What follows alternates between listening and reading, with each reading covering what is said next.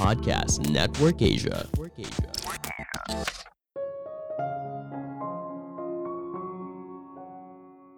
Kerja lembur itu bukan tanda kalau kamu produktif.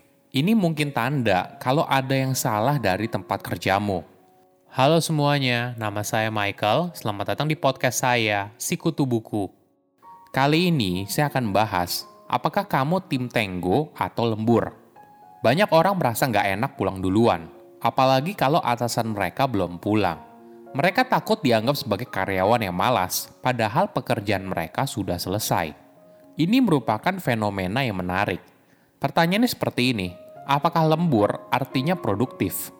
Banyak orang mengaitkan jam kerja yang panjang sebagai tanda produktivitas. Faktanya, semakin panjang jam kerja seorang, maka produktivitasnya terus menurun. Sebelum kita mulai, buat kalian yang mau support podcast ini agar terus berkarya, caranya gampang banget. Kalian cukup klik follow Dukungan kalian membantu banget supaya kita bisa rutin posting dan bersama-sama belajar di podcast ini.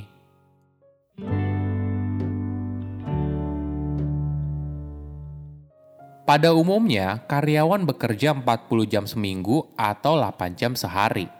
Ini adalah jam kerja normal yang diatur oleh pemerintah. Namun banyak orang bekerja lebih dari 8 jam, bisa mencapai 10 hingga 12 jam sehari.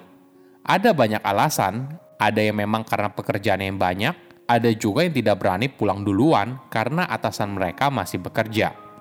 Hal ini diperparah dengan mindset zaman dulu, kalau produktivitas sebanding lurus dengan jam kerja. Jika kamu bekerja selama satu jam menghasilkan 10 bagian, kalau ditambah menjadi dua jam, maka kamu menghasilkan 20 bagian. Pola pikir ini sangat berbahaya. Mereka lupa kalau karyawan mereka masih manusia yang masih rentan karena kelelahan, mood yang buruk, perasaan tidak bahagia, dan sebagainya. Riset membuktikan negara di mana bekerja lembur merupakan hal biasa, tidak serta-merta karyawannya mencapai tingkat produktivitas yang lebih tinggi. Secara keseluruhan, Amerika Serikat menempati peringkat ke-11 di seluruh dunia dalam hal produktivitas. Berdasarkan 1.767 total jam kerja pada tahun 2020, karyawan Amerika menghasilkan rata-rata Rp518.000 per orang per jam. Namun bagi karyawan yang ada di Luxembourg, sebuah negara kecil di Eropa, mereka menghasilkan 1,1 juta rupiah per orang per jam, hampir dua kali lipat dibandingkan karyawan di Amerika Serikat, dengan total jam kerja yang lebih sedikit, yaitu sekitar 1.427 jam. Ada fakta yang menarik. Seorang karyawan yang bekerja 60 jam seminggu selama dua bulan akan menghasilkan lebih sedikit secara keseluruhan daripada jika dia bekerja 40 jam seminggu untuk periode waktu yang sama. Kenapa begitu? Padahal jam kerja karyawan tersebut 150%. Kenapa hasilnya hanya 100%? Coba bayangkan seperti ini. Kamu bekerja normal 40 jam seminggu yang dibagi menjadi 8 jam sehari selama 5 hari. Pekerjaan kamu adalah membongkar muat barang dari truk dan memasukkannya ke dalam gudang kamu mulai hari dengan kondisi yang segar. Ketika mulai bekerja selama 1 hingga 2 jam, flow kerja kamu mulai terbentuk. Lalu ketika 6 jam bekerja, kamu mulai merasa letih. Di akhir jam kerja kamu yaitu 8 jam, kamu merasa capek tapi masih punya energi.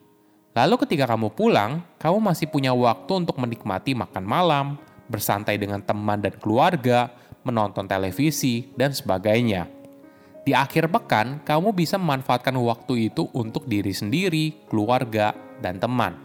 Ketika mulai bekerja lagi di hari Senin, pikiran dan tubuh kamu menjadi segar dan siap bekerja lagi. Siklus ini berjalan terus-menerus dan produktivitas kamu akan bergerak secara konstan.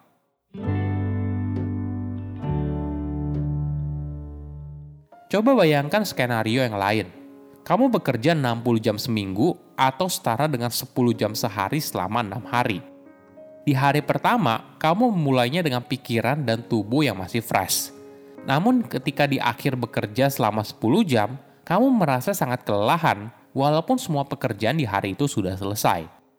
Saat kamu pulang, kamu sudah tidak punya waktu lagi untuk bersantai atau menghabiskan waktu dengan orang yang kamu cintai. Kamu langsung pergi istirahat siklus ini berjalan terus-menerus hingga hari Minggu di mana satu-satunya jatah kamu libur dalam seminggu.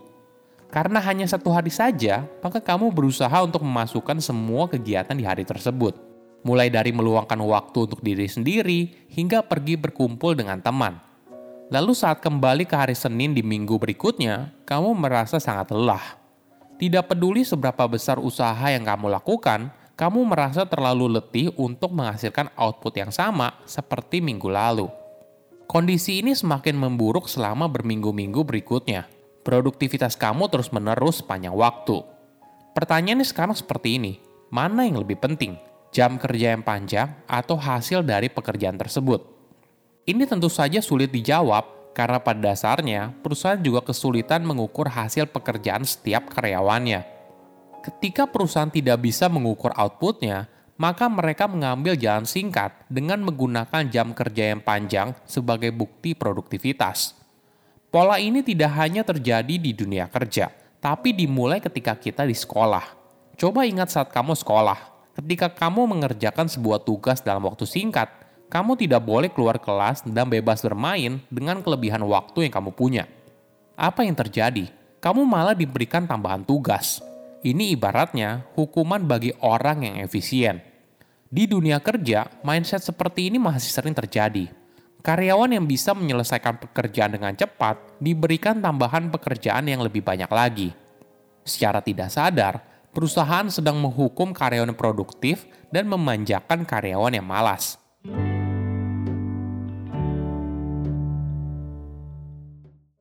Bagaimana solusinya? Apakah ada cara yang lebih baik? Pertama, mengukur hasil pekerjaan setiap karyawan. Bagi pemilik bisnis, apakah kamu bisa mengukur hasil pekerjaan karyawanmu? Bagi beberapa jabatan, ukurannya sangat mudah. Misalnya kalau karyawan kamu kerjanya adalah packing barang, berapa banyak barang yang bisa di-packing dalam waktu satu jam. Namun untuk karyawan yang tingkatnya manajer, pasti lebih sulit untuk mengukurnya. Misalnya berapa banyak kegiatan mengelola yang dilakukan oleh manajer produksi.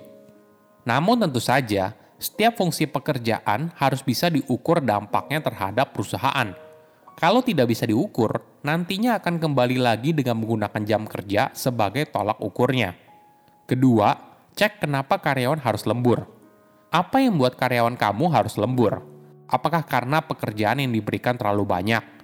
Jika karyawan kamu terus-menerus harus lembur, berarti ada yang salah. Jangan jadikan lembur sebagai budaya kerja namun apabila kerja lembur hanya sesekali dalam waktu singkat, misalnya menyelesaikan sebuah proyek, maka hal ini masih bisa ditolerir. Selain pekerjaan yang terlalu banyak, mungkin saja selama ini kamu malah membuat budaya kerja di mana karyawan harus lembur.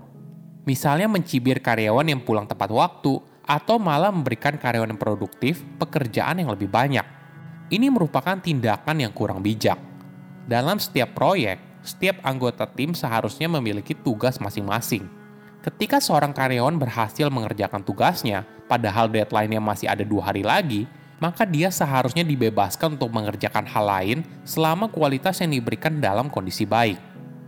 Kinerja karyawan jangan diukur dari jam kerjanya, tapi dari kualitas pekerjaan yang dihasilkan. Saya undur diri, jangan lupa follow podcast Sikutu Buku. Bye-bye. Pandangan dan opini yang disampaikan oleh kreator podcast, host, dan tamu tidak mencerminkan kebijakan resmi dan bagian dari podcast Network Asia. Setiap konten yang disampaikan mereka di dalam podcast adalah opini mereka sendiri dan tidak bermaksud untuk merugikan agama, grup etnik, perkumpulan, organisasi, perusahaan, perorangan, atau siapa pun dan apa pun.